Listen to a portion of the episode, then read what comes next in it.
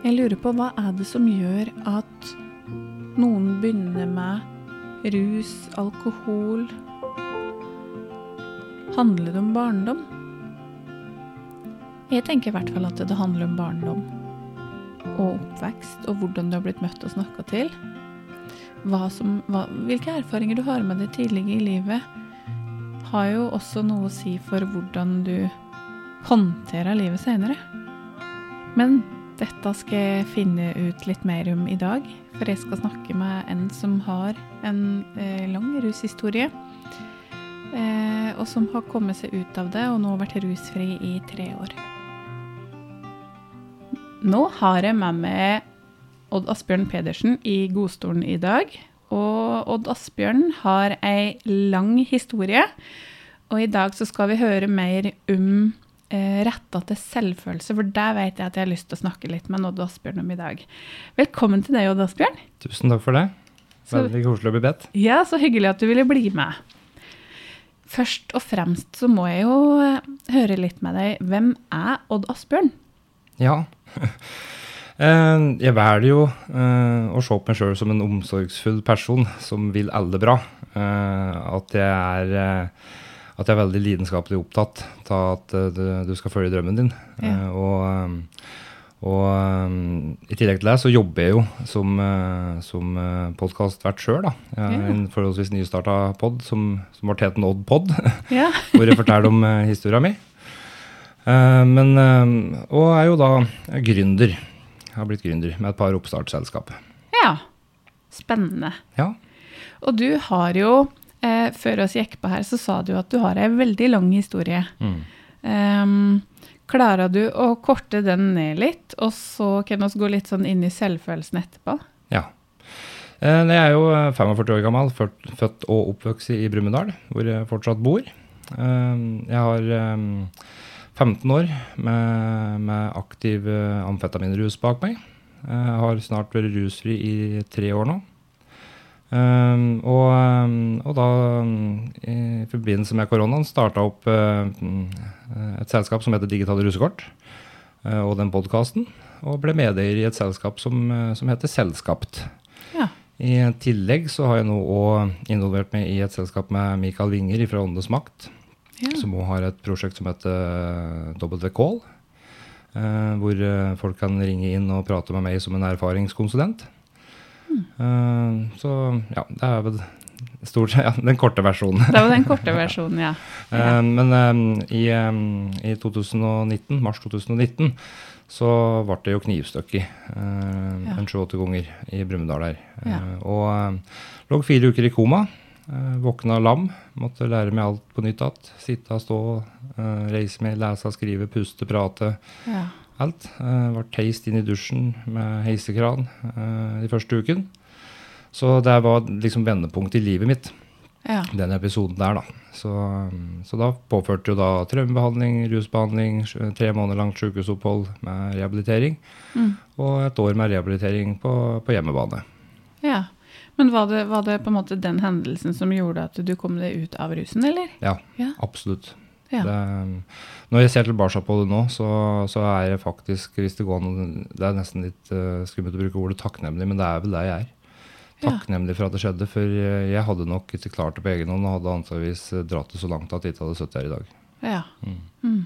Så, så jeg har, har lært meg å se på det fra en annen vinkel. da. Eh, ja, det var en veldig tragisk hendelse som gikk utover mange flere enn oss som var involvert i den. Mm. Og det er vel nesten det tristeste nå, syns jeg, da, ettersom jeg har kommet så langt. Ja. Eh, det de andre måtte gå gjennom eh, av familie på både han som gjorde det, og, og meg. da. Mm. Så, så det har blitt en liten sånn lidenskap for meg, da, at alle skal ha det bra. Til og med, har du gjort noe galt, så skal du få en ny sjanse. Så så ja. Det er jo veldig fint, da. For det er jo mange som tenker at har du gjort noe galt, så skal du dømmes, og på en måte da da er du den. Mm. Men det er jo dette med, som jeg mener òg, at det, det ligger et menneske bak enhver atferd. Og eh, det er jo ikke Jeg mener jo at ingen er født med ondskap i seg, eller at det er på en måte Vi er ikke sånn. Nei, Vi har muligheten til å angre, endre oss, og det er jo alltid på en måte noe som ligger bak, da. Absolutt. Det, jeg kan i hvert fall svare for meg sjøl og si at den personen jeg var i, i aktiv rus, Mm. den uh, speiler ikke den personen jeg er når jeg ikke ruser meg. Nei. Eh, De tinga jeg gjorde i aktiv rus, uh, er ting uh, som jeg både er skamfull for og, og angrer meg for. Mm. Og ting som skjedde i affeksjon i rus og sånne ting, eh, både med vold eh, og, og andre ting, eh, er jo på en måte ting jeg, jeg Jeg kan stå for det i dag og si at ja, det gjorde jeg, og sånn var jeg. Mm. Men det reflekterer ikke den jeg er i dag. Og, og da tenker jeg også sånn at jeg, jeg fikk jo en ny sjanse, og, og har tatt på en måte i gåseøynene straffa mi for det. Mm. Så jeg håper jo, da, og det, og det, det mener jeg virkelig, for jeg har jo tilgitt han som gjorde det. Eh, Jeg mener jo at vi, vi hadde hver vår rolletider, selv om han på en måte gikk eh, langt over grensa i, i måten han gjorde det på, eh, og måten han skada meg på. Mm. Så har det nå gått såpass bra som det har gjort. Eh, Så jeg skal i hvert fall ikke stå i veien for hans helbredelse eller utvikling hvis han, hvis, det, hvis han ønsker å bruke den situasjonen her til å komme seg på en annen plass i livet hvor han kan få fri fra, fra det, det livet han levde, Mm. så, så er jeg åpen for det. Ja. Eh, og det er på den måten der jeg mener at jeg kan være med og kanskje gjøre en forandring. Mm. At, eh, at det kan bli suksesshistorie for alle. Tatt her. At eh, vi kan se tilbake om noen år og si at vet du hva, dette her takla vi faktisk helt uh, fantastisk, og, og vi har gjort vårt beste. Mm. Mm. Så bra. Um, selvfølelse, Odd Asbjørn. Mm. Em, jeg mener jo at selvfølelsen vår skapes f- sju første leveårene våre. Så er jeg på en måte selvfølelsen skapt. Hvordan, hvordan var barndommen din? Vil du fortelle litt om det? Ja, eh, jeg, er jo, jeg er jo som sagt født og oppvokst i Brumunddal mm -hmm. i 77. Eh, det var jo litt annerledes nedi her da. Eh, alle sier jo det var bedre før. Ja. Og jeg skjønner jo nå hvorfor de sier det, på en måte, for vi, vi gamlinger rekker jo nesten ikke å følge med på utviklinga. Men, eh, men eh, jeg, jeg trodde at jeg hadde en tilnærmet perfekt barndom. Jeg vokste opp i et eh, hjem med gifte foreldre som eh, var økonomisk, eh, som klarte seg og, og, kunne kjøpe det vi trengte. Mm. Eh, jeg, jeg, de første sju åra besto jo da av lek og moro, og fikk ei lillesøster etter tre år, som jeg, som jeg ble utrolig glad til. Eh, og, eh, sånn at jeg, jeg, på en måte, det lille jeg kommer derifra, da, eh, er jo at det, det var veldig bra. Mm. Uh, og, og, men det skjedde jo nå i sjuårsalderen. Jeg fikk epilepsi. Ja. Så, så da forandra det seg litt. Uh, og, og ble medisinert ganske tungt for en barneepilepsi som jeg antageligvis ikke skulle vært medisinert for. ja. Um, og det som har skjedd etter sjuårsalderen da, eh, med, for jeg ble medisinert med 1000 mg orferil, Ja. det brukes jo mot utagerende psykiatriske pasienter i dag. Ja. Eh, det er jo tatt bort fra medisinlista på, på, på epilepsi, faktisk, tror jeg. Ja, det der, ja? Og det samme med Sarondan. Ja. Og eh, det har jo sine bivirkninger, eh, som de fleste medisiner. Sarondan var kraftig vektøkning. Så, jeg, så jeg gikk ifra å være en kraftig plugg til å bli en eh, rett og slett eh, kraftig overvektig plugg. ja. Og, eh, og orferilen gjorde at jeg, jeg ble trøtt, slapp, sliten. Mm. Sov mye. Klarte ikke å være oppe i skoletimer eller noen ting. Nei. Så, så der begynte Har jeg skjønt noe i ettertid, da. Jeg forsto det ikke da. eh, Men jeg, men jeg forstår nå i ettertid at det har egentlig gjort at jeg har bodd i en fantasiverden. da. Ja. Eh, hvor jeg egentlig, tror jeg, hadde et veldig godt sjølbilde fra mora og faren min, som alltid på en måte var der for meg og, og fortalte meg hvor flink jeg var. Men etter medisineringa så føler jeg at jeg ble ikke sett i det hele tatt. For litt på lik linje med rus, så, så ruser du deg på en måte bort ifra virkeligheten. ja Og laga deg et eget bilde, ikke sant. Ja. Så, så det skjedde nok noe der. Mm. I tillegg til en veldig traumatisk fødsel, da. ja. Som, eh, som, eh, som mora mi har fortalt meg om i ettertid. Ja, så allerede der var det på en måte noe som som ble eh, uro i det, da. Ja, jeg, jeg har nesten kommet så langt i, i, i den personlige utviklinga og undersøkelsen på en måte ta meg sjøl, da, at eh, jeg, jeg tror jeg har funnet ut at det er grunnen. Ja. Um, for det begynte med at vi satt på hytta uh, for mange år siden og prata på ting som hadde skjedd i barndommen. Og alt det jeg fortalte, var det ingen som huska. Og de, til og med til de folka jeg tok med historien som var med meg på det som hadde skjedd. Søstera mi husker ikke det jeg fortalte om at vi hadde lekt der og gjort det. Så faren min kom i tauet, mora mi. Så de lurte jo på liksom hva, hva er det som skjer. Ja. Uh, og jeg ble jo sint for at jeg følte at jeg ikke ble trudd.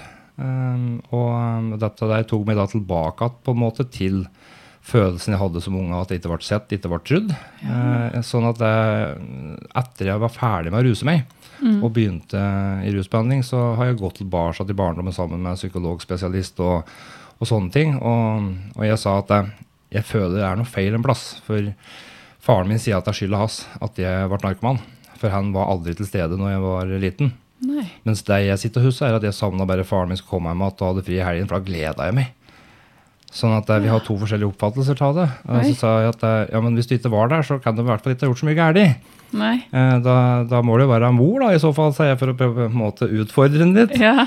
Og, og da fant jeg ut at det, det er jo ikke på en måte noe skyld eller noe grunn eller noe. Ja, og, og så tenkte jeg at dette her skal jeg finne ut av.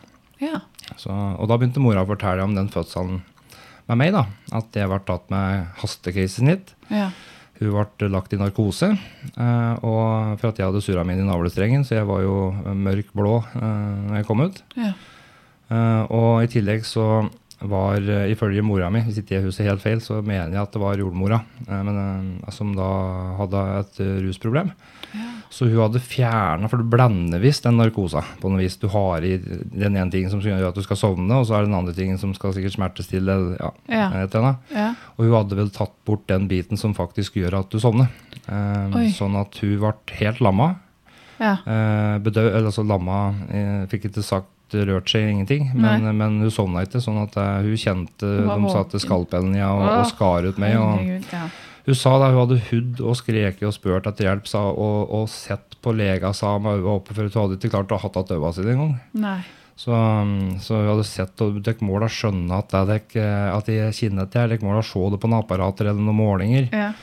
Eh, og, og jeg svimte av liksom et par turer, men når, når, når de tok tak i deg og løfta deg ut av magen min, så kjente det ut som de reiv ut ryggraden min oh. uh, fra, fra kroppen min, sa Mm. Så da svimte jeg heldigvis av, sånn at jeg ble borte for godt, sa Ja. Uh, og, og det, ja, det er jo traumatisk. Mor- Når mora mi forklarte meg dette for ikke så lenge siden, så Ja. fikk jo hun en reaksjon òg. Så, Ja. så det har jo vært tydelig at dette har vært uh, veldig, veldig Noe som har sittet i hodet òg, ja. ja. Mm. Og så tenker jeg det er jo Det er jo sånn at allerede i mors liv så kan det jo påvirke deg. Mm. Fordi eh, du vil jo også merke ikke sant, dette med stresshormoner um, At hun ikke har det noe bra, vil jo også påvirke måten du har det på, måten du får det også når du kommer ut. da. Mm. Så jeg tenker at uh, allerede der var det, begynte det jo litt. Mm. Ja, nei, jeg, jeg, jeg- det er de historiene jeg har hørt da, fra når hun var gravid, så, Mm. så, så har jeg egentlig bare hørt litt sånne morsomme historier om at hun møvla ukokt makaroni, fikk cravings på det, Ja. og sånne ting. Så, så jeg tror Ja. ikke, tror ikke kanskje den biten fram dit var så utfordrende. Jeg har ikke hørt noe om det. fall. Nei. Men ehm, hvordan, hvordan var det for deg dette med Var det rom for å vise følelser? Dette med å få lov til å være sint, få lov til å være lei seg, og være et barn med både gode og vonde følelser, da? Ja, helt klart. Det var rom Ja. for det? Det, Ja. det er, mitt minne fra det er det, og, og det er den følelsen både jeg og søstera mi har. Mm, så Eh, bra. At eh, vi mm, jeg, for jeg, altså jeg var jo mye sint. Vi fikk ikke lov, så var jeg sint. eh, Ja. eh, og sur, men, men mora mi sa at jeg var jo ikke der utad, sa hun. Uh, hun kan huske en gang jeg hadde vært skikkelig umulig på butikken. Da hadde jeg skreket for at jeg ikke fikk en sjokolade. Ja. Og da hadde han måttet dratt med meg ut igjen, og handikøret hadde stått igjen i butikken. Men det var den eneste gangen sa hun, som jeg hadde vært skikkelig sånn uskikkelig. da. ja. Ellers så hadde jeg egentlig vært en glad gutt som, som ja, var nysgjerrig på det meste. og Mm. og sånne ting. Og, og det er det jeg kommer med sjøl som òg, at jeg, jeg lurte på hva alt var og funger, hvordan alt fungerte. Mm. Og, um, så nei, det var veldig rettferdig. Uh, og det er det fortsatt. De er jo gift en dag i dag. Og, ja. og det er sånn uh, får søstera mi krone, så får jeg krone. Uh, det, er, det er likt hele veien. Så Ja. veldig rettferdig. Um, og krangling, altså sånn foreldre imellom De fleste husker vel kanskje at de har hørt foreldrene sine krangle. Uh, at de Ja. kanskje har, at, Det vi oppfatter som krangling, da, som kanskje er en høyere diskusjon Ja. eller en uenighet. da. Uh, og der kommer jeg jo at foreldrene mine hadde òg. At eh, mora mi kunne være veldig sliten for at faren min jobba mye. Sånn at eh, hun følte at kanskje jeg hadde Mye. ansvaret. Eh, Mm. Og jeg kommer jo at jeg våkna noen netter, og så sneik jeg meg ut for å høre hva de prater på. At jeg, at jeg kunne kanskje synes synd på mora og faren min. da. Eh, For at at den ene eller den andre som var lei seg. Ja. Men eh, når jeg ble da oppdaga, så var det sånn, da ble jeg støtt tatt inn i stua, satt på fanget og forklart hvorfor det var prata på, og, og, ble forklart alt. Så fint. Ja, og, og sammen med søstera mi. Sånn at eh, vi, vi forsto ganske tidlig at det, å, å, å, å diskutere høylytt trenger ikke nødvendigvis være en krangel eller fare for at det skulle være noe. Eh, Sånn at det er, det er en av de tingene jeg kommer over fra barndommen som jeg har tatt med meg videre i mitt liv. på en måte, at det, Mm. det, er, det, er, ja, er viktig å se hvordan andre oppfatter deg på en måte når du, når det er unger i nærheten. da. Ja, så skapes jo den der tryggheten. For det er Mm. jo veldig utrygt for et lite barn å se at foreldrene krangler. ikke sant? For oss vil jo eh, gjøre alt for foreldrene våre. Um, og da blir det jo den derre tryggheten på at uh, dette her er ikke noe farlig. Du ble tatt vare på, du ble sett. Så jeg tenker det er jo kjempefint. Det er godt jobba av eh, foreldrene. Altså. jeg, jeg, jeg har sagt det hele tida, at eh, eh, de kan si hva de vil sjøl om Ja. sin egen jobb og hva de mener. Altså, det er jo den uh, største jeg si, du, du straffer deg sjøl mest, ikke sant? Ja. Men, eh, men jeg kan ikke si noe annet at jeg, jeg følte og føler fortsatt at Bakkeveggen er den tryggeste plassen i verden, liksom. Ja. Eh, det, det er dit eh, samles vi fortsatt hele Jeg kaller oss mafiafamilien, jeg, da. ja. For at vi har støtt vært en stor familie som har holdt tett sammen hele tida. Ja. Og, og det er òg noe jeg tok med fra barndommen. For jeg mistet begge besteforeldrene mine veldig tidlig. Mm. Husker ikke så klart pga. medisinen hvor gammel jeg var, men, men rundt 13-årsalderen så mista jeg den første, mener jeg. Eh, og og eh, brått. Så det var mitt møte der, og der igjen, da samla hele familien hjemme hos oss. Prata på det, satt der, prata gren sammen. Altså, og, og vi ble forklart alt på, en- på en veldig fin måte. ja. Uh, og så har jo egentlig dette gått litt slag i slag med sykdom i familien. Vi er veldig ramma av kreft. Oh, ja. Så, så jeg mista begge tantene mine i kreft. ja. Uh, og sånne ting. Der igjen så føler jeg da at det å takle sorg da, i 16-årsalderen, eh, på en måte, når du blir såpass voksen at du på en måte håndterer sorg på din egen måte, og ikke nødvendigvis syns det er kult å sitte med mor og far og grine og prate på følelser, ja. eh, da, da skar jeg kanskje litt ut av den, og, og av den medisineringa, og, og, og lærte meg ikke å takle sorg på den måten jeg kanskje skulle gjøre, Nei. eh, og gikk da over i rus til alkohol. Ja. For eh, du begynte på Orfiril og de medisinene når du var Sju. sju. Til du, hvor lenge gikk du på dem? Jeg mente det var 16. Eh, mora mi sa det var 18. Og okay. nå har jo mora mi stort sett rett når det kommer til å huske et årstall i forhold til meg, i hvert fall. Så for etter komareisa så husker jeg møter jo folk på butikken og kommer ikke over hva de heter for noe. Jeg, jeg, det var jeg prata med dem om sist. Så, så jeg velger å tro på at hun sa 18, um, for jeg skulle få billappen. Og da var det krav til to års rusfri Nei, um, to års anfall, anfallsfrihet. Ja. Uh, og jeg hadde ikke hatt anfall på mange år, Nei. men jeg gikk jo fortsatt på medisin at jeg var 16 til 18. da. Ja. Så, um, og når jeg fant ut at jeg måtte da være anfallsfri uten medisiner for å få den billappen, så bråslutta jeg. ja, ok. Og um, Og det fungerte greit, eller? nei, ikke i det hele tatt. Jeg skulle jo ha trappa ned. Ja. Men um, hadde ikke noe nær kontakt med lege, henta bare ut resepten min ikke sant, i mange år. ja. Så, så lenge jeg ikke var anfallsfri, så var det ingen andre som på en måte trodde det var noe sånn. Og når du har gått på de medisinene fra du var sju, og du var vant til at sønnen eller guttungen din var trøtt til alle døgnets tider og, Ja. og sleit sånne ting og det, Men det står i legerapporta, for jeg har jo henta ut legerapporta. For, Ja. jeg, for jeg vil jo finne ut av det. Mm. Og det står jo i legerapporta at mor har vært bekymra flere turer pga. at eh, jeg var vanskelig å få vekt om morgenen, jeg sovna på skolen ja. og sånne ting. Og de tok da en blodprøve av meg. Og um, For å finne ut hvor mye innhold av medisiner jeg hadde i blodet. Mm. Um, og um, Det de ikke visste da, var jo at jeg hadde da begynt å synes at dette var så ubehagelig sjøl. At jeg begynte å halvere doseringa mi, for at jeg, jeg syntes det var så ubehagelig. Og, ja. mens lega sa at jeg måtte ta det. ikke sant? Uh, Mm. Mens jeg torde nesten ikke. Det var noe som gjorde at jeg stoppa, i hvert fall med å ta, Mm. ta hver dag. Så de så eh, at jeg ikke hadde mengden i blodet, og da ble det sånn eh, tar han egentlig medisinene sine, og mor begynte å telle tabletter og sånne ting. Ja. Eh, og, og så dobla de dosa mi. Å, herregud. og etter Ja. det så var det egentlig en fantasiverden. Ja. Eh, husker, det jeg husker, er stort sett bare eh, fantasi. Men gikk det da fra å slutte på de medisinene til å gå over på en måte til rus og alkohol og sånn, da, eller? Ja, for jeg begynte jo å drikke i 16-årsalderen. Altså jeg, sånn, jeg var på, sikkert på noen fester før jeg prøvde en øl eller noe, men, eh, men sånn ordentlige fester, eh, så tror jeg jeg var 16 eller noe. Og, jeg visste jo at de tablettene ikke skulle blandes med alkohol. Eh, Så jeg tror, eh, om, om mora mi sier 18, så tror jeg kanskje at jeg begynte å kutte, at jeg slutta rundt 16. Eh, og mor sa jo det at um, da, det er jo det siste jeg så av gutten, når han slutter på de tablettene. Ja. Men men hun, visste, hun trodde at det var av førerkortet da, først. Ja. Uh, Men det var jo for at da fikk jo jeg en, en sånn overskudd og en sånn energi at jeg fikk ikke sove om natta. Nei. Da kom jo all energien tilbake. Ja.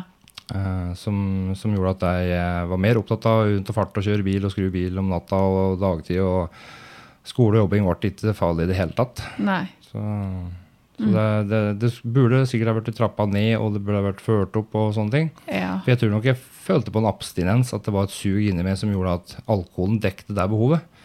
Eh, Jeg, Jeg skjønte, vil jo tro det. jeg skjønte det nok ikke da, men, men jeg- når jeg tenker tilbake nå, så er det sånn at jeg, altså, offer ble jeg alkoholiker? på en måte? Jeg følte at jeg var alkoholiker da jeg var 25. Mm. Så det var Og kunne drikke store mengder òg, for jeg var jo veldig tålte mye. Pga. de medisinene hadde sikkert gjort meg veldig tolerant, eh, på sett og vis. Mm. Har du noen tanker om hvordan Altså, hva, hva er det som gjør at eh, Hvis det skal på rus og alkohol, da, hva er det som gjør at folk begynner med det? Er det veldig individuelt, eller er det på en måte en sånn mm, fellesnevner en plass der? Dette er et veldig godt spørsmål, for dette har jeg fundert mye på. Mm. Eh, For jeg, jeg, jeg, jeg, tror da, i hvert fall at de fleste da, som har vært såpass hardt ute på at de må få hjelp, eh, søker svar. Ja. Eh, og før jeg kom hit i dag, så, så tenkte jeg at jeg nå skal liksom gå gjennom megareiser enda en tur for å liksom prøve å kunne gi det et godt svar hvis jeg får det spørsmålet. Ja.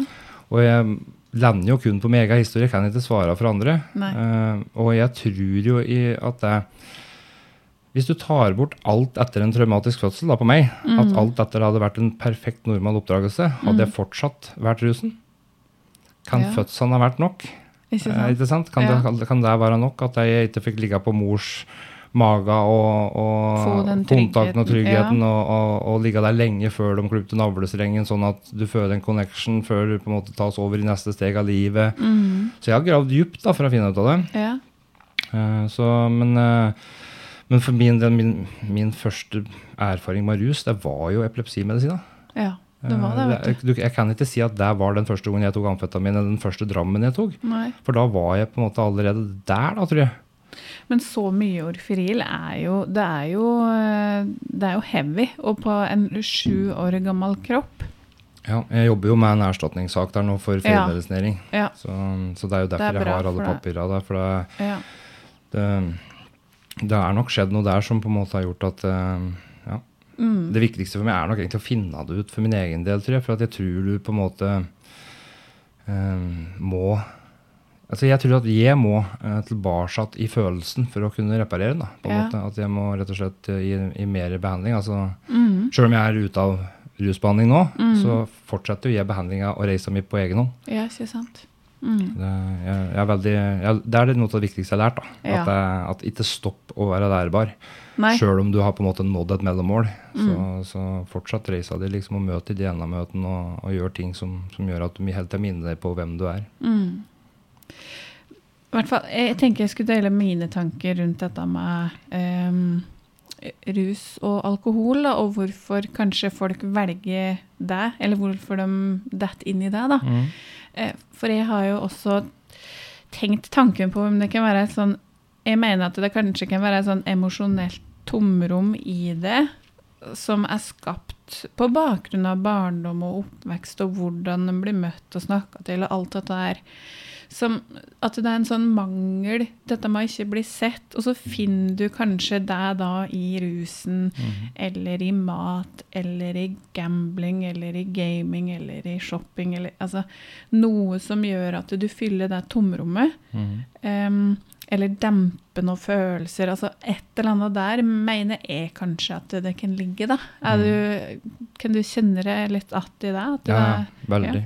Mm. Ja, det, det, det, jeg syns det var veldig fint at du, at du tok opp dette. For jeg hørte på en tidligere podkast hvor du faktisk nevnte dette. Ja. Og da, da kjente jeg at den, det suget Ja. i magen ja. Det kan sammenlignes hvis, du har vært skikkelig skikkelig sulten og du har så lyst på en sjokoladeplate, Ja. og, du, eh, og en kaffekopp, og eller hva du måtte like best her i verden, eh, og så kan du gange det med 100. Den Ja. der sultfølelsen du får i magen, den, den, den hulfølelsen og den der eh, litt lavt blodsukker, ja. eh, litt samme følelsen eh, hele veien, Mm. eh, som starta i barndommen. Ikke sant? Og så fylle den det, da. Mm. Fylle den det tomrommet.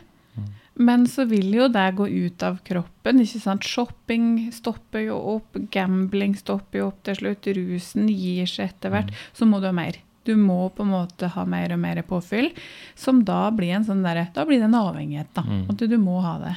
For å kunne fylle det tomrommet, da. Og så mener jeg, da, at det tomrommet trenger oss å fylle med egenkjærlighet til Mm. oss sjøl. Ja, nei, det, jeg har jobba mye med egenkjærlighet og sjølbilde og, og sånne Ja. ting i den rusbehandlinga. Uh, og for å gå tilbake da, til, eh, til når jeg husker første gangen jeg følte det tomrommet du prater på, Ja. Eh, så er det barneskolen, tror jeg. Ja. Eh, vet ikke helt offer, men da begynte du på skolen når du var sju. Mm. det var jo da jeg fikk de medisinene. ja. Men, eh, men igjen så er det litt sånn eh, og det, Hva fylte jeg det tomrommet med da? Eh, For jeg var jo da overvektig. Jeg ble eh, en god del mobba. Eh, Det var ikke sånn at det forhindra meg å gå på skolen. Jeg kunne grue meg noen ganger hvis det hadde skjedd ubehagelige episoder. Men, og liksom det skjedde ting som eh, ikke var bra. Men, eh, men, eh, men eh, det tomrommet, det tror jeg rett og slett at jeg fylte det. Og det gjør jeg nok en dag i dag òg. Fylte det med å være klassens klovn. ja. Ikke sant? Eh, og få altså snu negativ oppmerksomhet til noe positivt, sånn at jeg kunne gå derifra og føle meg høy på meg sjøl. Og da blir det den derre da blir det den der fasaden, da. Mm. ikke sant? Um, oss prata om før oss gikk på her, at uh, jeg har laga en sånn der husmetafor. For jeg mener at eh, de sju første leveårene våre blir på en måte grunnmuren på huset vårt. Um, og så er den grunnmuren litt skeiv, det er noe skavanker, ikke sant? Den har ikke blitt møtt på en bra måte, eller har blitt mobba. Altså et eller annet som har gjort at den grunnmuren er litt sånn eh, falleferdig, da. Så bygger en huset sitt oppå den grunnmuren, så vil det jo bli skeivt. Og det, det du sier, da, dette med klassens klovn, er jo en sånn der å pynte på fasaden. Du prøver å stå utapå, prøve å fikse huset med noe. Prøve å male over en rustflekk eller et eller annet. Men så handler det jo om å gå ned og se hva handler dette egentlig om. For det handler jo om et behov for å bli sett, anerkjent, elska for den den er, da. Rett og Absolutt, ja. Mm. Og, um, og der fant jeg nok en delta for første gang i et kontrollert miljø i rusbehandlinga. Ja. For jeg var jo livredd for å skulle i, på en institusjon eller noe. Ja. Jeg hadde jo ingenting å gjøre der sammen med en hel haug med andre tullinger som var like gærne som meg. Det var sånn der, eh, det kunne jeg ikke fatte og begripe at det skulle komme noe bra ut av. um, men etter knivstikkinga da, så, så ble det jo da uh, Fikk lov til å komme hjem til mor og far og bo der og, og starte opptreninga. Men da begynte jeg å ruse meg igjen. Mm. Så jeg hadde jo tilbakefall. ja. Eh, Så jeg var innom Sandner en tur og virkelig fikk kjenne på åssen det virkelig er å ha psykiske problemer som du ikke har påført deg sjøl. Ja. Fikk sett litt hva andre folk strevde med. ja. Eh, Og der skjedde en forvandling i meg. Når jeg da satt innpå der, vel vitende om at jeg satt der med psykose pga. at jeg hadde injisert Ritalin. da, til alle Ja. ting, for at eh, Jeg hadde jo slutta på amfetamin, så jeg mm, tenkte at det, Ritalin er jo lovlig, så da, da mm, bruker jeg det. ikke sant? Ja. Eh, Du blir jo helt koko av det. Du, det er så livsfarlig på alle mulige måter. Ja. Eh, Men russuget var for stort, eh, og skammen var for stor til å gå tilbake på amfetamin. Ja. Sånn at hvis jeg var tatt på urinprøve, tenkte jeg, så Ja. pisser jeg i hvert fall eh, igjen på medisinene mine. Mm. Eh, og så mm, klarte jeg å blande begge deler da, på et tidspunkt der òg. Så, så jeg ble jo gjennom ambulant team inn på Sanderud sykehus. Eh, tatt inn der livredd. Jeg var sikker på at hele verden skulle drepe meg. Det var så ille. Eh, men, men det å få kjent på den følelsen gjør at jeg i dag forstår da, en person som står foran meg med de samme tinga. Hva han virkelig føler, og hva han på en måte trenger for å, for å få litt mer ro på seg. Ikke sant. Så det var litt erfaring. Men når jeg da så folka som, som Det lå jo annet en der og skrek i 22 timer i døgnet Oi. til han mista stemmen sin. Eh, og, og han lå på naborommet mitt. Og da husker jeg tenkte at eh, Nei, fy faen, Peder, unnskyld at jeg sier det, men Pedersen, men her ligger du og tar en plass. På en måte du kan faktisk kontrollere sjøl, men bare ta imot hjelp. Ja. Eh, sånn at eh, Da følte jeg meg rett og slett som en så dårlig person som, som lå der og tok den plassen. eh, at da bestemte jeg meg for at da vet du hva, dette her må, dette her, nå må det være slutt. Ja. Det er den første omstillinga jeg følte at jeg hadde. Ja. Men det forteller jo litt om hvor ekstrem jeg òg er, ikke sant? og fjern jeg er fra virkeligheten. At jeg, jeg måtte faktisk bli knivstukket for å skjønne poenget. ja, ikke sant? Ja, og det er det som gjør at jeg er takknemlig for det. For at jeg hadde ikke skjønt poenget hvis ingen hadde kommet og dunka meg hardt i huet, for å si det sånn. Nei. Så, så nei, den, eh, den reisa der, den forandra nok meg. Mm. Eh, og så plukka jeg opp at den tråden eh, når koronaen kom og, og rusbehandlinga ble avbrøt i. Og det, så ramla en del utapå. ikke sant? Det er jo en gyllen mulighet til å ha tilbakefall som er legitimt for at eh, ja, det kom, Ja. det Sånn tilbudet ble jo tatt bort. Ja, ja, ja. Men jeg bestemte meg for at det skal ikke bli meg. Så Nei. jeg kjøpte sjølutviklingskurs for alle pengene mine. For da hadde jeg i hvert fall litt noen penger å bruke på noen andre ting. Og så, og så hadde jeg så, såpass mye samvittighet at jeg måtte på en måte gjennomføre det. da. Ja. Og ble kjent med sjølutvikling og, og den biten der. da, Og begynte å jobbe med selskap med en annen forretningsidé. Og, Ja. og da skjønte jeg at det, dette her det kan jeg faktisk få til. ja. Mm. Bruke det negative til noe positivt. Ja, det er jo noe med det. Å snu, snu på en måte eh, Snu litt på det. Og det å bruke takknemlighet eh, Altså møte motgang med takknemlighet, da. Mm. Altså det, det, det er ikke enkelt. Det er Men det at du faktisk klarer det ja, Å være takknemlig for den hendelsen som var da i 2019, Mm. som har ført til at du fikk opp øynene og, og har fått den sjølutviklinga og er der du er i dag Mm. nå, da. Og jeg har fått lov til å dele en ting her i dag. Jeg satt på telefonen med mora mi, som Ja. betyr utrolig mye for meg pga. at vi er en sammensveist familie. Ja. Uh, og ehm, for å forklare litt, da. eh, for jeg hører på mange podkaster, på mange lignende historier eh, og sånne ting. Og du, du sitter igjen med en følelse av at uff, stakkars deg, eller eh, ja, han, han, han klarte det. Mm. Men men mange, mange tror òg at det når vi sitter i en podkast sånn, så, så er det veldig sånn der du hører bare om de positive tinga. Og det gjør du kanskje òg, for vi er opptatt av å dele løsninger. ikke sant? ja. Og vi har ikke tid til å fortelle hele, hele historia. Men for en- ja, nå husker jeg ikke mange år siden, men si er det sju-åtte år siden, så fikk mora mi kreft da jeg var i aktiv rus. Ja. eh, brystkreft. eh, og ble frisk igjen av det. Ja. Eh, og det var jo da mine første tanker om å slutte å ruse seg kom. At eh, vet du hva, hvis mora mi blir frisk eh, Jeg ba en bønn til Gud om og sa at eh, hvis mora mi blir frisk, så skal jeg slutte å ruse meg. Ja. Eh, og hvis det er sånn eh, universet fungerer, så ta meg i stedet for, for at jeg er så lei av det livet her likevel at det, det er Mm. flere som trenger mora mi enn meg. ja. Trodde jeg da. Ikke sant? Uh, og så ble det knivstukket et par år etter det. Uh, så jeg fikk jo nesten bø bønnen oppfylt, på en ja, måte. Eh, og mora mi ble frisk. Mm. Og um, og um, det at jeg nå har vært rusfri i tre år, da, og det kunne, at de kan ha sett omstillinga mi, da, det er takknemlighet for meg. se, Når jeg ser mora mi ser på meg nå, hun er, hun er glad på mine vegne. For Ja. hun ser jeg har det bra. Sjøl om jeg har masse utfordringer med skader og traumer, eh, liksom, ting jeg har måttet jobbe med gjennom, Ja, ja. så ser jeg at jeg har klart det. Mm. Um, og så fikk jeg beskjed nå for noen uker siden at jeg har fått tilbakefall til kreften, og de kan kun tilby livsforlengende medisiner. Ja. Uh, og da er det ikke så lett å kjenne på takknemlighet, tenker jeg. Nei. Dette her er jo livet, dette her skjer jo ikke bare meg. Nei. Det her skjer uh, andre folk på andre måter, og at du på en måte du begynner å få det bra, og så skjer det noe dritt hele tida. Mm. Og da fikk jeg testa uh, hva takknemlighet betydde for meg. For det, det er jo kort fortalt at du har jo bare en bestemt tid igjen å leve, som egentlig ingen vet hvor lenge er. da. Uh, og um, jeg måtte virkelig jobbe med meg sjøl da.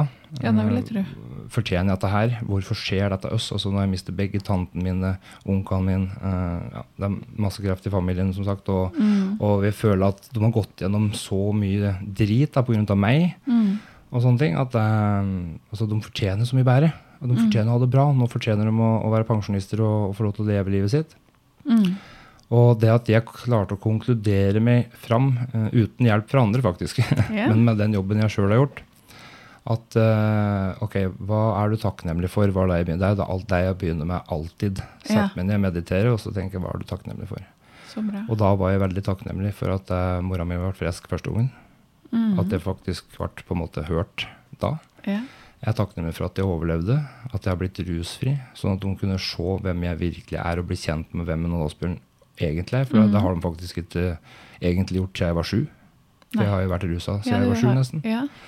Så jeg er veldig takknemlig for at det er onkelungene mine og mora mi, og det faktisk får bli kjent med meg, da. Mm. Sjøl om jeg ikke er på, er på, langt nær en, en perfekt utgave av, meg, og har mye å jobbe med enda, men, men det at de nå ser da, at jeg kan ta ansvar, at jeg rydder opp i mine egne ting, og det at mora mi fikk eh, beskjeden nå ved en tilfeldighet, ved en, eh, ved en annen kontroll, altså så oppdaga de eh, den eh, kreften i levra da, for å sjekke en annen ting. ja. At det ikke fikk det to dager før jeg faktisk ble syk og inn på sykehus og, og gikk bort, sånn som mange andre gjør. Jeg er veldig takknemlig Ja. for at vi faktisk fikk en, en, head, en heads up. da. At Ja. vi, nå kan vi faktisk gå sammen og, og fortelle hverandre hva vi virkelig føler for hverandre, og vise det før det er for sent. Mhm. Mm. Så ja, det er takknemlighet for meg. da. Ja. Uh, Sjøl om det vi alle vet at det kommer til å skje noe trist, så, så har jeg en styrke også, da, i å vite at uh, når jeg lå i koma, så, så skjedde det en del ting som, som, har, som har gitt meg en bekreftelse på at det er mer mellom himmel og jord. ja. Jeg var så heldig å få med meg noen beskjeder fra andre sida som jeg har gitt til folk som er her i dag, faktisk, og hilsa dem fra familiemedlemmer. Så det er sånn du ser på film. Ja. Og um, folk kan riste i hugget av meg, folk kan flire av meg og si at eh, nå har det bikka over for den, men du kan spørre på å si, de folka som, som jeg velger å holde anonymt, da. Uh, men eh, men uh, familien min er mitt nærmeste vitne på hva jeg fortalte når jeg våkna, og, og satt der når jeg fortalte dem de beskjedene. Så, så det jeg sier at det, den reisa er ikke over. Så, jeg, så vi, vi kommer, ja, jeg, tror, jeg vet ikke hva det er, men, men noe mer Noe er tror det. jeg det er. da. Mm. Og så tenker jeg det er så fint at du, at du bruker At du klarer å bruke den takknemligheten. For det er også Jeg jobber jo mye med selvfølelse med folk. Mm. Eh, og takknemlighet er jo et av verktøyene som jeg bruker. Det er å lære seg å bruke takknemlighet i hverdagen og finne ting en er takknemlig for. Praktiserer du det hver dag? Er det på en måte noe som du har som en vane, eller Ja, jeg vil Ja. si det. Men eh, det er som alle andre vaner, da. Mm. Det sklir jo ut litt, og det, det er litt på å ta. Mm. du, eh, målet mitt er ikke å være perfekt, sånn, sånn, men det, målet mitt er å gjøre det intenst så lenge at det blir en vane som du kan ha en glepp eller to på og gå tilbake til uten at du føler Mm. at sjølbildet ditt eller følelsen din blir dårligere. Mm. Um, hos meg så starta det med noe så enkelt eh, at det eneste jeg gjorde, i, i tillegg til tre dager uh, nærbehandling i kommunen med Mm. rus, jeg var til å redde, redde senga mi et halvt år. Ja. Hver dag. ja. Og etter en måneds tid så skjønte jeg at dette her er jo en utfordring for meg. For at eh, jeg sto opp om morgenen, uh, dura på badet, pussa tenna, eh, satte meg i sofaen, fyrte en røyk. Mm. Eh, og rett på telefon. Og ok, det er to timer til jeg skal på nærbehandlinga. Og ordna meg, spiste mat eh, og drog. Og så Mhm. kom jeg ned til toget. da, De flytta jo bort til Moelven. da. Så, Ja. Og så kom jeg på at jeg hadde glemt å re senga mi. Eh, og da var jeg så streng med meg sjøl at da sykla jeg opp igjen. Da mista jeg det toget. Og så sykla jeg opp igjen, og så redde jeg senga mi. Og så dro, ringte jeg og så sa jeg at vet du jeg kommer for sent i dag. Og så spør de hvorfor. For jeg glemte å re senga mi, så jeg, måtte opp igjen og re senga mi. Og da ble det stille lenge, og så sa han Per at eh, så bra. Ja. Eh, Da har du gjort dagens viktigste oppgave. Ja. så da, da får du komme så fort du kan etter det.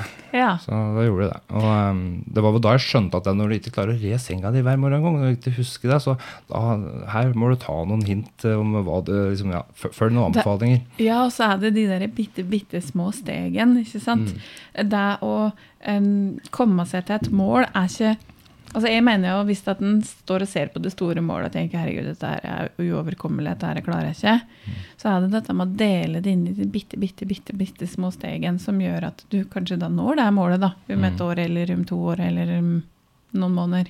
Ja. Jeg har faktisk begynt å anbefale folk igjen om å ikke følge drømmen sin. Ja. Uh, og eh, med det så mener jeg at eh, du skal ta med deg drømmen din når du følger lidenskapen din. Ja. For det var en klok mann som sa en eller annen gang, som jeg tydeligvis har fått med meg. For jeg har mange drømmer. Ja. Jeg kommer ikke til å nå alle av dem. eh, Og det er ikke så viktig heller. Men jeg har en lidenskap, Mm. og det er å bruke meg sjøl som et verktøy. da. Eh, Mm. En slags eh, katalysator. Ut til andre, da, gjennom deg og gjennom um, ting, andre ting. At, Mm. jeg, at jeg faktisk bruker den ja, jævelskapen da jeg har vært ute for, Mm. til noe nyttig. Mm. Så, så lidenskapen min er noe helt annet enn drømmene mine. Men jeg tar meg med drømmene mine i affirmasjoner, i de mikromåla jeg har. de, de tinga, altså det, er, det er nede på et sånt nivå at er hver gang jeg skriver noe for hånd, Ja. og så er det at jeg skriver for hånd av at da lærer jeg bedre. Ja. Eh, for da bruker du er det 10 000 bevegelser Mm. eh, når du skriver for hånd. Eh, mens du, hvis du sitter på et tastatur, så bruker du er det åtte eller ti. Ja. Du har jo bare ti fingre. ikke sant? ja. Eh, mens der, hvis du bruker dette her, så bruker du mange muskler, og du Ja. må tenke, og du må gjøre ting med andre nevene og, og du skal bruke blå penn. For at det er vist at det er blå rom og blå farge gir en følelse av ro, så du lærer bedre. Og hvis du da i tillegg Ja. har uh, musikk på øra, som, uh, som er klassisk musikk, som, så, så lærer jeg ting fortere. ja. Men det skjer jo ikke den dagen jeg begynner å gjøre det. Dette har jeg gjort i tre år nå. Mm. Men det har gjort at jeg har de faste rutinene som gjør at jeg sitter her i dag. Eh, Ja, så skjer det jo vel en, Det skjer jo en sånn gradi, Ja, ja. gradvis utvikling med Altså som er litt og litt og litt og litt og litt hele veien. Affirmasjoner. Altså, Mm. Jeg bare fnøs i nesen av det. Altså, affirmasjoner altså, hva, Ja. skal jeg, hva, Hvorfor skal jeg si det, liksom? Og nå har jeg to-tre liksom, på rams Ja. hver morgen. Er, Har du er- lyst til å dele hvilke affirmasjoner du Jeg kan ta én, da. Ja. Eh, det er um, En av de drømmene jeg har eh, på en måte da, eh, i, i, i lidenskapen min, er jo å kunne kjøpe meg en plass. mm. Et, eh, som jeg skal gjøre til et fellesskapssenter eh, i samarbeid med selskap, som Ragnhild eh, da er en del av. ja. Og det fellesskapssenteret, der, der har vi en da, visjon om at det skal være en plass hvor vi skal ha økologisk mat sjøl. det skal være en gård, ikke sant. Mm. Du skal ha kampsport, qigong, meditasjon, yoga. Eh, du, eh, infrarød badstue, kald, kaldebad, bo- boblebad. Og dette her er jo en drøm vi har. Så vi har jo lyst til å bygge opp den plassen her med likesinnede, hvor andre òg kan komme og, bo i små grønne tiny houses i skogen ja. og være over og prøve å få det til å bli et økosamfunn. Mm -hmm. uh, og, og med en million i innkassogjeld, da, som jeg nå har, Mm -hmm. Uh, og jeg har eh, AAP uh, på tur inn i en uføretrygd pga. skader og, og andre ting, Mhm. Så, så vil de fleste si at der har ikke du sjansen. Mm. Mens jeg er helt overbevist da, om at dette får vi til. Og, og det nettverket jeg har bygd da, de siste åra, er jo nå et begynnende bevis på at jeg begynner å få samla de troppa som trengs for å, for å faktisk få det. ja. For jeg trenger jo ikke gjøre det alene. Nei, det trenger du ikke. Så, så jeg har en affirmasjon, da, og jeg har, altså jeg, jeg har liksom på en måte plukka meg ut eh, til da. Ja. For uh, når jeg lå i koma og var døden der, så um, satt jeg oppe i storsalen på, på Høstbyhotellet. skjønner du. Og det fant jeg ikke ut før et år etterpå, når jeg var ute og sykla, Ja. eh, at det var der jeg hadde vært. ja. Um, så jeg har en affirmasjon som jeg sier hver morgen. Jeg er så glad og jeg er så takknemlig for at jeg har klart å gjøre årsinntekta mi til månedsinntekta mi. På den måten har jeg kunnet finansiert kjøpet av Høstbyhotellet. Nå jobber jeg og bor der sammen med mine nærmeste. Vi dyrker vår egen mat og er økologiske. Vi har 40 tiny houses i Hamp, som er produsert i vår egen hampfabrikk i Brumunddal. Eh, Jeg er, eh, jeg er eh, ja, Jeg er lykkelig rik, sunn og frisk. Sånn. ja, så bra. Den sier jeg hver morgen. Har Den gjort i hver to morgen. år. Ja. Og nå har jeg òg i kontakt med to investorer som, som syns at prosjektet og tanken min er interessant. Nå vet jeg ikke om det blir Høstbyhotellet, Nei, men, uh, men uh, men en eller annen plass blir det. blir det. Ja. Så spennende. Jeg syns det. Ja, det er jo noe dette med å Det er jo litt sånn hva du Kall det hva du sender ut i universet som du får tilbake igjen. Ja, jeg har jo studert mye av dette her òg. Mm. Og, og, det, og det Jeg studerte det så langt da, eh, som jeg følte jeg kunne gjøre uten at du blir på en måte innlagt. Ja. Hva er det alt i universet består av? Mm. Atomer, da, er vel det vi vet i dag. Og hva består et atom av? Eh, Elektroner, nøytroner, protoner. Altså, det, mesteparten er faktisk vibrasjoner og frekvenser. Og så er det 1 eller noe sånn masse. Ja. Og hva er det vi består av? Vi er atomer. Ja. Så vi er, der du ser i spelen, da, er det altså 1% av hva du faktisk er. Mm. Så du må jo binde sammen det, det åndelige, spirituelle, fysiske og, og mentale. ikke sant? Mm. Uh, og, og da tenker jeg sånn at det, det vi ikke vet, er kanskje det vi kan dra mest nytte av. For at det er det som er minst forska på. Mm. Men nå har jo òg igjen verktøy og forskning gjort at det, de, eh, kan jo plassere folk foran et kamera, og så ser du frekvens av vibrasjoner rundt deg. Du er jo en energistasjon, ikke sant? Ja. Ja. Så hadde vi kunnet faktisk omformert den energien vi produserer ned til et batteri, så hadde vi jo aldri vært trengt noe mer eh, olje og gass, liksom, Nei. på en måte. Nei. Så jeg tror vi kommer til å komme dit såpass langt fram i tida, da. At Ja. vi på en måte har, har gjort jobben vår. Men, eh, men eh, når du når du liksom begynner å sjekke ut hva du egentlig består av, så det du ser i speilet, det er Mm. bare et resultat av tanker, følelser og opplevelser du har hatt i, i oppveksten din og barndomsåra dine og, og sånne ting. Og, Mm. og du skal ikke bry deg så mye om det. Eh, Du kan ta, du kan ta hensyn til det, tror jeg. Mm. Men det er liksom You gotta care, but not that much. Ja, Ja. Eh, ikke sant? Jeg har et sjølbilde som har blitt der, da. Ja. Jeg ser på meg sjøl i speilet, og jeg ser en tjukk person med overfladig hud for at jeg har vært kraftig overvektig og er fortsatt det. Eh, Men jeg er superfornøyd med meg sjøl for det, og jeg tenker sånn at eh, hvis dette her blir et problem, så går det an å operere seg gjennom meg. ja. Det er ikke så viktig for meg, men nå trener jeg for at jeg har lyst, for at jeg syns det er artig. Og, og så syns du jo automatisk da, at er når du trener deg, så, så blir det jo litt artig å se at ting forandrer seg. Så, så da det. forandrer jo sjølbildet ditt seg automatisk uansett. Men til en positiv ting, da. Ja. Det er spennende å høre på det. Takk for det. Ja. Det, det setter pris på. Men hvordan er det Nå har du jo sagt litt om sjølbildet um, i dag. Mm. Selvfølelsen din. Hvordan er det med selvfølelsen din i dag? Altså, når jeg hører ordet selvfølelse, Mm. så, så tenker jeg på hva, hvor stolt er jeg av meg sjøl, da. Mm. Uh, og- Hvilken verdi du tenker at ja, du har. Ja. Uh, og jeg er veldig glad for at jeg har fått den, for jeg har nok aldri hatt den, Nei. eh, tror jeg. Uh, Mm. For jeg har ikke noe å sammenligne med eh, av rus og ja, medisinering. Så jeg tror at eh, egoisten i rusmisbrukeren, Mm. Sammen med kjærligheten i hvem Åsbjørn egentlig er, da, og det store hjertet jeg har for alle og ønsker å hjelpe alle og, og det, Mm. Uh, og legger du sammen det med hendelser av ting jeg ikke kan kontrollere, uh, så, så kjenner jeg på en stolthet over å, å sitte her og bli bedt hit hos deg og, og klare å dele dette her. Og, så, så jeg, jeg vil si at det er ting jeg fortsatt kan altså Det er mange ting jeg fortsatt må jobbe med, Mm. og som jeg bruk, kommer til å bruke mange år på. Men, eh, men jeg er ganske stolt. Så bra. Ja, jeg, og jeg er veldig glad i meg sjøl og, og det. Ja. Nå er det mer, Jeg merker nå at det siste året har det blitt mer sånn at jeg bekymrer meg mer over andre enn jeg bekymrer meg med meg sjøl. Ja. Og det tror jeg er et sunnhetstegn. ja. Det handler ikke bare om meg lenger. Mm. Og da, da tror du du har kommet dit at du på en måte er i en posisjon at med de riktige samarbeidspartnere rundt meg nå, så Mm. tror jeg faktisk at jeg kan forandre verden. Om ikke noe annet for én person. Ja. Ja.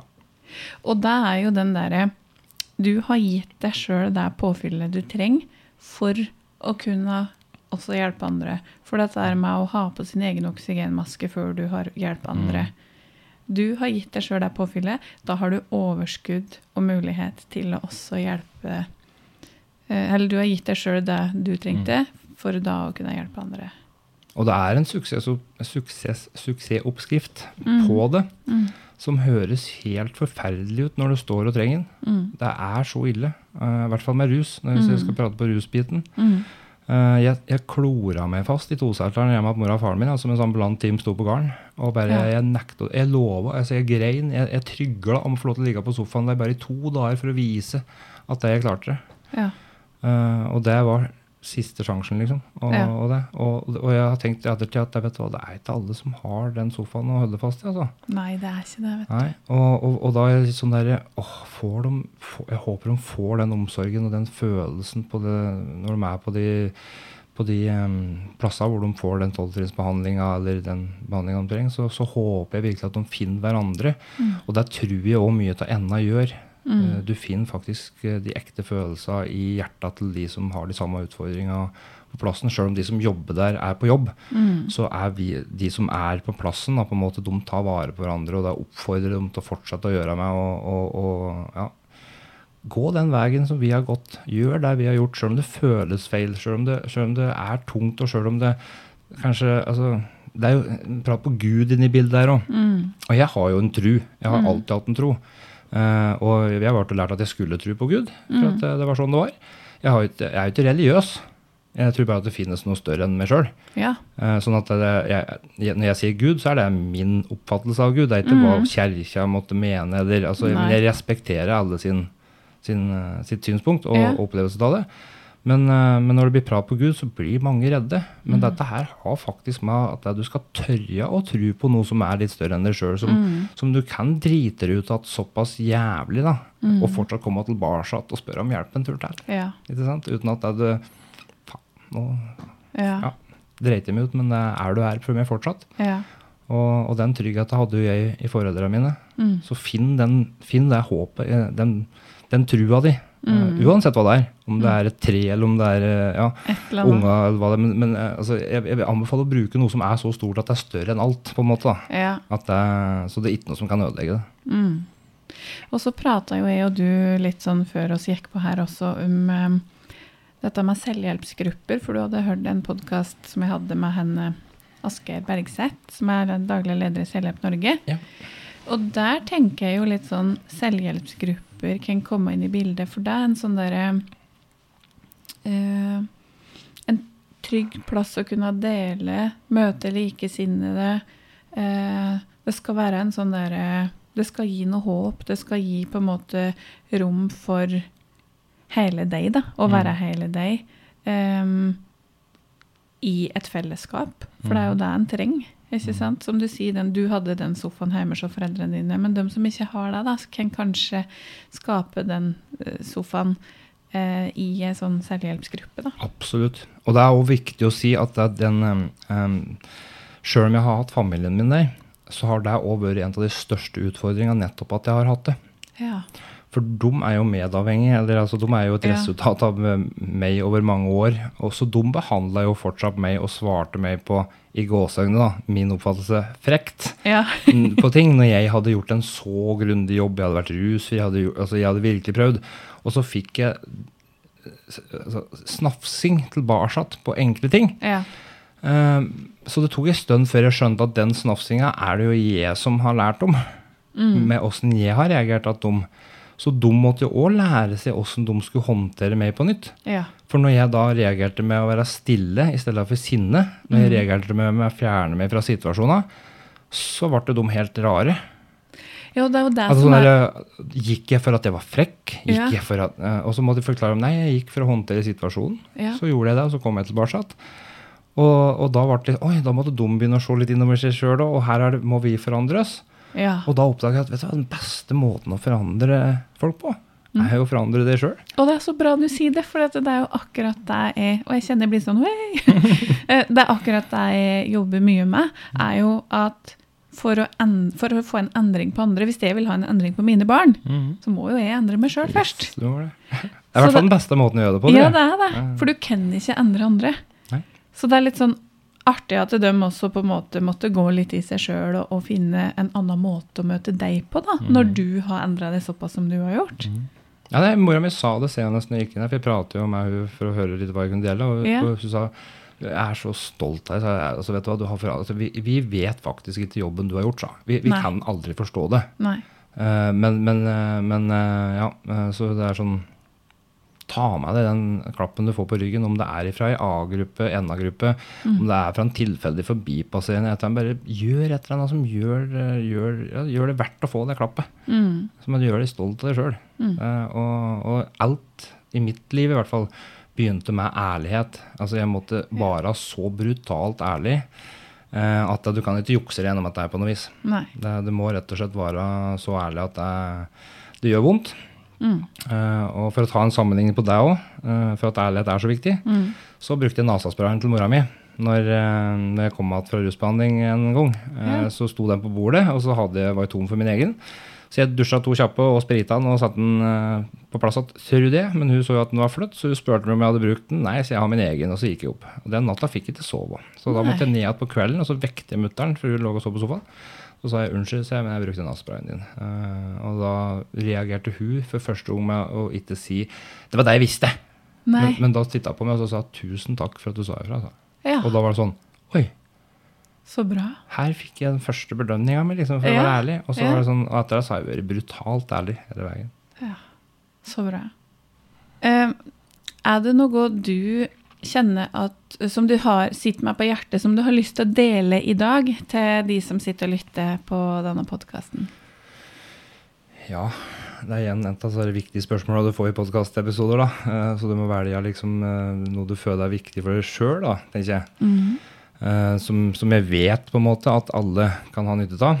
Og det ene rådet jeg har, det er ikke vær redd for å takke ja til å få hjelp. Nei. Det var jeg livredd for.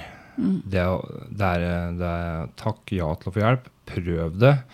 Det kommer til å føles jævlig, i hvert fall i forhold til rus. Eh, men uansett hva du måtte stri med, var heller ikke redd for å be om hjelp, for der var jeg redd for. Ja. Og de to tinga der er vel en av de største grunnene for at det tok så lang tid med meg å, skjønne at jeg, at jeg trengte en endring. Mm. Uh, men når du på en måte har klart å komme dit, at du tør å ta sjansen, Mm. uh, og det, så, så vil jeg si at det, hvis du vil at ting i livet ditt skal forandre seg, så er du helt nødt til å forandre på ting i livet ditt. Mm. Sånn er det bare. Mm. Og um, jeg vil ta meg noe som T. Lawrence fortalte Bob Proctor en gang i tida. Yeah. Som har vært en liten sånn ting for meg, hvis jeg klarer å gjengi den riktig på engelsk. Yeah. Uh, men jeg kan ta den på norsk, da. Uh, og han sa at det eh, For dette har jo med drømmer å gjøre. Mhm. Vi, eh, du, noen kaller det mål, andre kaller det drømmer. Men mm, i jobben med deg sjøl så vil du klare å separere lidenskap fra drøm og mål. Mhm. Uh, og det er reisa som betyr noe. Uh, hver gang jeg når et mål, så er jeg lei meg eh, for at uh, reisa er over. Ja. Eh, sånn at jeg setter meg stadig større mål. Eh, Som nesten, på en måte, Det største målet mitt er nesten uoppnåelig. Ja. Det skal være litt sånn at jeg, nesten, jeg, har litt frykt for ikke å nå det. Ja. eh, For at det skal krible litt. Ja. Uh, og så skal det heller ikke være sånn at uh, hvis det går ad undas, at jeg ikke kan justere på det. Mm. Men det skal være litt hårete. Uh, og, men han, T. Lawrence han sa at det alle mennesker drømmer, men vi drømmer ikke likt. For de som drømmer i nattens mulm og mørke, men som ligger trygt i senga si, de vil våkne om morgenen kun for å finne ut at det var formålsløst. Men de som drømmer om dagen, det er skumle mennesker. For de tar action på drømmene sine Ja. og ser at det hele blir gjennomført. ja. Så veldig bra. Ja, ja, den var fin. Ja, den det. Og det er jo helt sant. Mm. Drømmen er oppe. Ja, for det, det, det er jo å finne den derre altså, Og sånn er det jo i terapi òg, i behandling. At skal du få til en endring, så er det du sjøl som må gjøre jobben, altså. Mm. Det hjelper ikke å tenke at terapeuten skal fikse meg nå, Nei. for det skjer ikke. Og det var det jeg digga med den der eh, sjølhjelpsgruppa. Ja. For at det, det tar litt tid å komme dit og skjønne det når Ja. du er i en behov for hjelp sjøl. Ja. Men uh, hjelp til sjølhjelp, Mm, genialt. mm, Helt genialt. absolutt. Tusen, tusen takk, Odd Asbjørn, for at du eh, hadde lyst til å dele. og Det var veldig spennende å høre på det. Tusen takk for det, det setter jeg pris på. Og Ja. tusen hjertelig takk for at jeg fikk komme. Ja, Da ønsker jeg deg en fin dag videre. I like så. Takk. Ha det. Hei.